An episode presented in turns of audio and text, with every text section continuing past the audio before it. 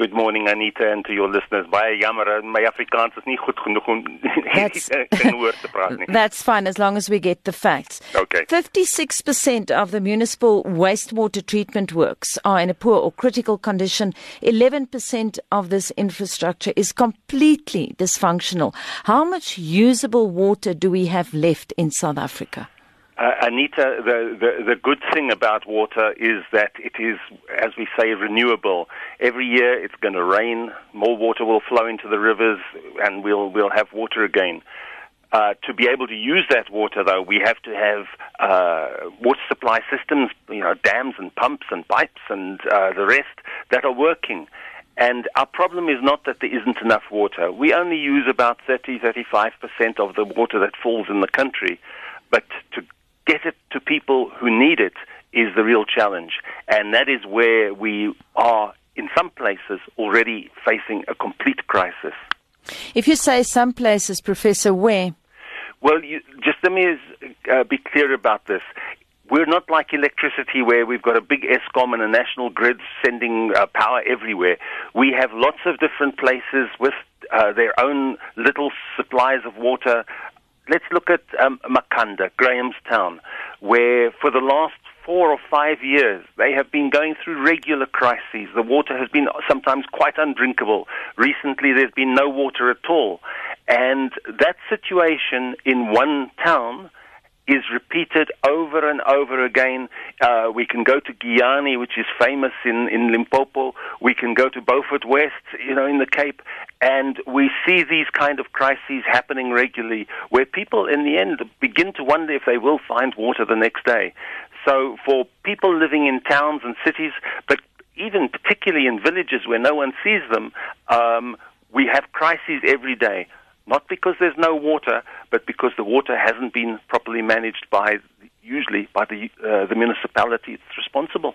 Can we update the infrastructure? You know, you can build and throw money uh, by, into uh, building infrastructure, but until you have people who understand how to use it, who are going to be disciplined in managing it, who use it properly, building more infrastructure isn't going to help if we look on the other side of it, look at a big system like uh, Gauteng and the integrated Vaal River system that supplies not just Gauteng but parts of Mpumalanga and Northwest and Free State. It, it's, uh, it supplies 15 million people. Now there, we're just starting to design the Lesotho Highlands Phase 2 water supply scheme. It'll only be ready in 2026. But last year, Rand Water was already using for Gauteng as much water as they're allowed. Mm. The population is going to be growing by 3% per year. And for the next six or seven years, if we have a drought, unless we are very disciplined, we could end up in the same way as Cape Town. Because, not because there's no water, but because we didn't plan and build and manage the way we were supposed to. I mentioned the journalist Hilton Tarrant, but I must say I agree with him. I read the National Water and Sanitation Master Plan yesterday, and it does make for dire reading. What interested me also was that it was said that 3 million South Africans have no access to a basic water supply service. 14 million people don't have access to safe sanitation. On the other hand, each person in South Africa uses 64 litres per day more water than the global average. Those are people who have access to water. Do you think the answer would be to regulate the water sector? Maybe cap the water supply? Well, in, in many places that already happens. We have to remember that we have a constitution here which gives huge power to local government. So the national government can't tell municipalities what to do. It can tell them how it thinks they ought to operate, but it's very, very difficult for them to force their way to uh, to tell them what to do. We've seen that with electricity when they wanted to, uh, 10 years ago, make one national uh, uh, electricity distributor, and in the end, the municipalities just said no. They said, read the Constitution. We have a right to manage our own electricity. So, having a national regulator who can suggest to municipalities what they should do, but can't force them, isn't going to help we are now stuck, and we must remember why we have this constitution. People wanted to have strong local governments. Well, we have these local governments which have full power. Unfortunately, they're very weak. And now we have to learn to help them to manage this rather complicated business of water. And we're not doing it very well at the moment. Uh, and that's why the water crises are spread across the country. The only good thing I can say is we are not going to run out of water. And as long as we uh, keep keep managing it uh, better, we actually have got the ability to live very comfortably with the water we have. But there's a lot of management between having a, a, a situation fixed and where we are today. Now, our main rivers classified as being in a poor condition, and this goes back to 2015. They've increased by 500%, with some rivers pushed beyond the point of recovery. What do you think our plan of action should be? You know, part of part of the plan of action and the, the, criticism of this big national master plan is it's got about 80 actions of priority that must be done tomorrow. Mm. And you can't do 80 actions together when you don't even have the staff to undertake five or six successfully. The first step is to fix the national department, which Minister Gugile Nkwinti is trying to do. Uh, he's going to have a big uh, national meeting in March and April to try and get a plan for implementation of his master plan. The trouble is then there's going to be elections, and we won't know who's coming next. He probably won't come back, in which case someone else will have to start from the beginning.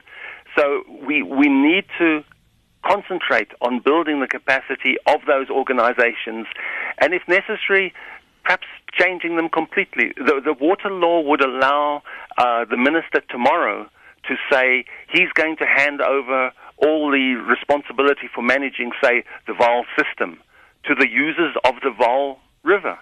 And, you know, in the Vaal, we actually have some strong users. We've got farmers, we've got strong municipalities, we've got Rand Water, we've got big industries like Eskom and Sasol, all of whom are very interested in managing water. But if it's going to be kept to the national government to manage, well, you know, we're, we're sitting watching them making a mess of it and not being able to do anything about it. So one of the proposals that could be introduced and is being talked about is in fact to give more power to water users in those systems which they currently depend on the national government for and let them do the job themselves. This wouldn't be privatization. This would actually be uh, community-led uh, uh, management, which I'd like to think people would be in favor of. It's being talked about. The law allows it to happen tomorrow, but it takes a political decision to allow it to happen. Professor, do you think that your countrymen should be educated about water usage?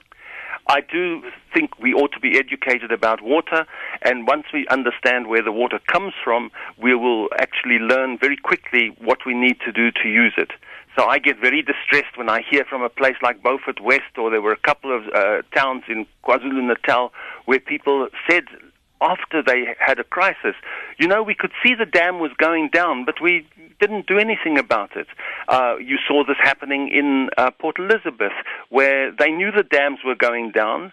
They knew they had more water coming from the Orange River, but they just didn't finish the pipeline and the treatment works to use it.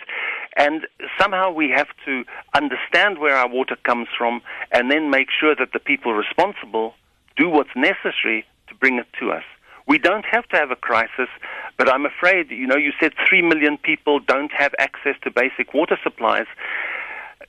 Unfortunately, we've got 52 million people who have infrastructure to supply basic water, but at the moment, only about 60% of that is working reliably. So we've probably got 15 million people who have pipes and taps but they're never sure if water is going to come out of them. And that is a, a, a, very serious problem we can only resolve that through proper government and governance, and we can only do that if people understand where their water comes from and can make sure that their politicians do the right thing to keep it flowing through the pipes. Where are our engineers? I read yesterday that the number of civil engineering graduates doubled between 2010 and 2015 to 2,000 graduates per year. However, I also believe it's unclear how many of them seek work in the water sector. You know, I'm going from this discussion to a meeting with the South African Institute of Civil Engineers.